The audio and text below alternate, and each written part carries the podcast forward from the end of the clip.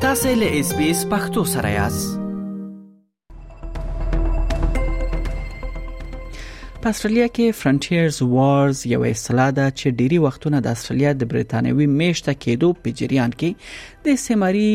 ملیشو خلکو او بومي استرالیانو خلکو ترمنځ د سلو کلونو څخه ډیر تاوتریخواله شخړې دا ټول تر شي کوي او هم د غول لپاره کارول کیږي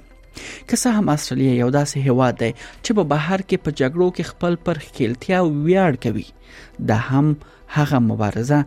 ولې دغه مبارزه نه مني چې نن ورځ استرالیا په همدغه کې جوړ شوی دی او یا مینځ سره غلی دی لا ډیر معلومات لرو لمنګ سره اوسئ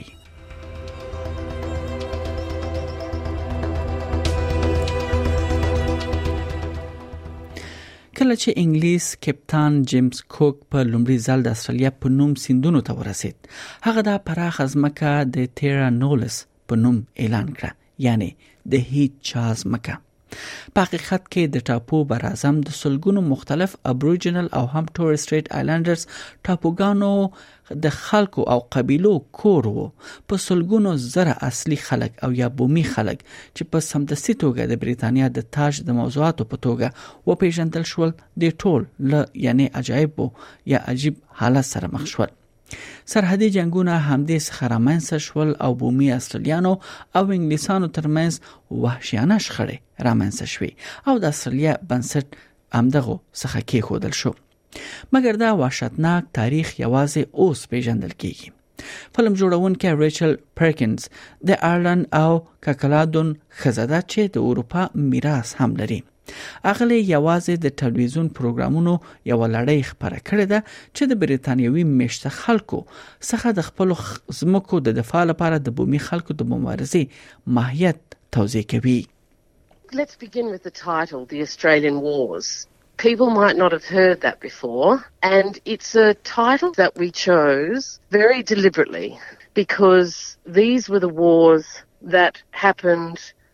between initially the British Empire, when it claimed the continent and then occupied it,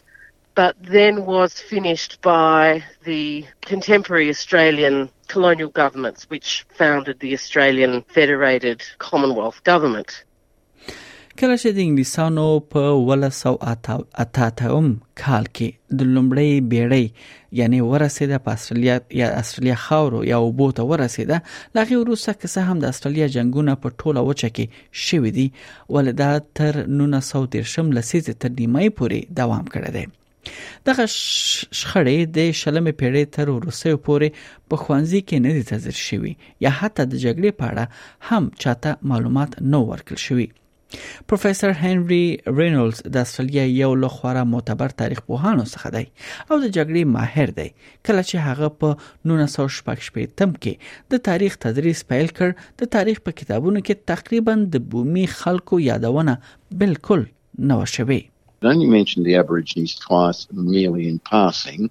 and there wasn't even an entry in the index. Only fairly recently, there has been a general acceptance that the conflict actually was warfare. It wasn't warfare like people understand uh, in the modern world. دوی وایي چې دا چریکي جنگونه ول نو همدغه موضوع دوی تشریح کړه بل خو تاریخ پو ډاکټر نیکولاس کلمنز د استرالیا د سرحدي جګړو بل کارپو دی او هغه هم هم د خبره سره موافق دی The view was that it was too small and scattered to uh, be considered uh, having the gravity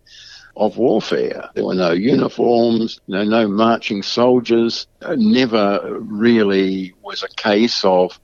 large formations and battles in the classical sense, but nonetheless, it clearly was a form of warfare. بلخوا دا جنګونه یوازې وروسته له هغه منل کېدای شي کله چې د تیرنولس اعلان یعنی د هیچ ځمکې اعلان چې لومړي سر کې د انګلیسانو لخوا شوی وو دا په قانوني توګه وننګول شي او د 1990 لسیزې په لومړیو کې کې چیرې د مابود تاریخي پریکړې په نوم چې دا پیژندل شوی وو که په هغه وخت کې د اقدام شوی وای نو پروفیسور رینولز وایي چې ډیر سبخ شي وو They knew it as a war then. All the colonial documents refer to it as warfare. But in the 20th and 21st century, we have lost sight of that. And I think there are also some underlying political reasons why many people can't identify it as a war.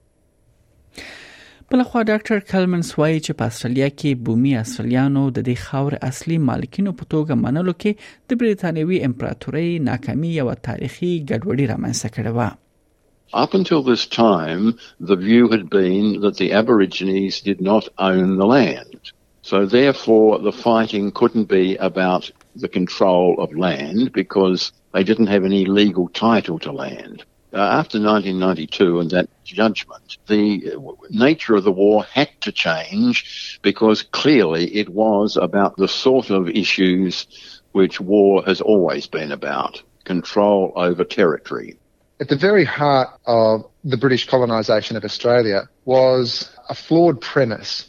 Unlike all the other countries the British colonised, they did not acknowledge the sovereignty of the Indigenous owners here in Australia.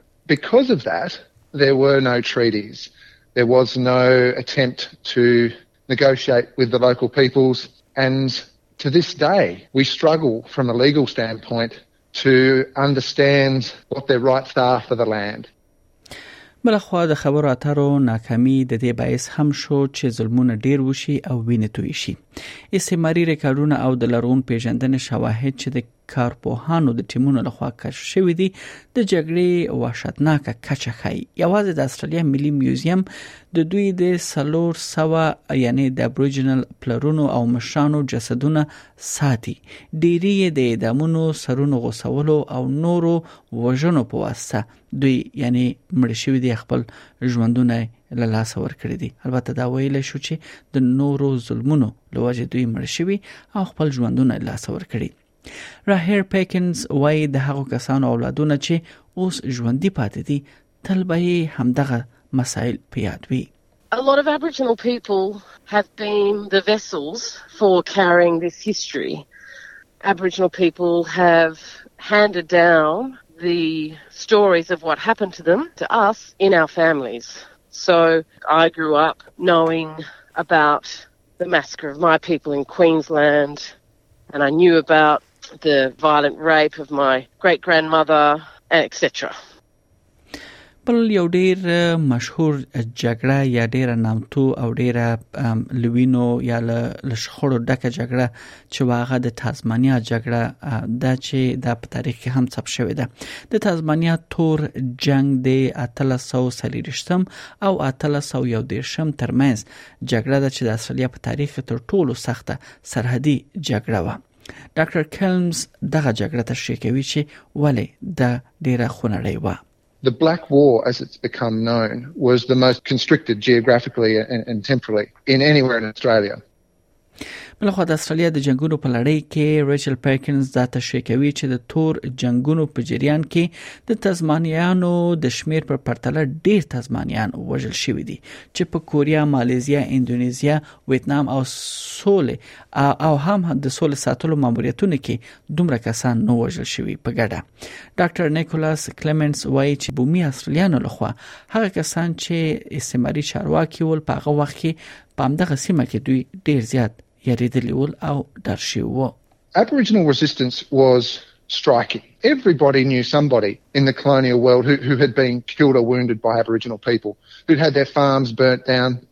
It was absolutely terrifying. In fact, serious people were contemplating having to abandon the colony. ول همدې ګډوډۍ وروسه اروپایان غالب شول دوی تقریبا په بشپړ ډول د تازمانیا اصلي اوسیدونکو تباه کړل whether someone's ancestors were involved or not, we are all the inheritors of Aboriginal land, which was stolen land. At a minimum, we all have a role to play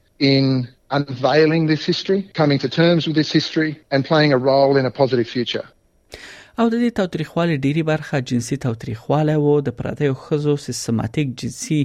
تیرای پر هغوی باندې او اختطاف دومره عام وو چې ډيري یعنی دا کارپوهان وایي چې یعنی د ابوریجنل سیمو نسلونه چې دوی ژوندۍ پاتې شوې دي همدغه جنسي تیریو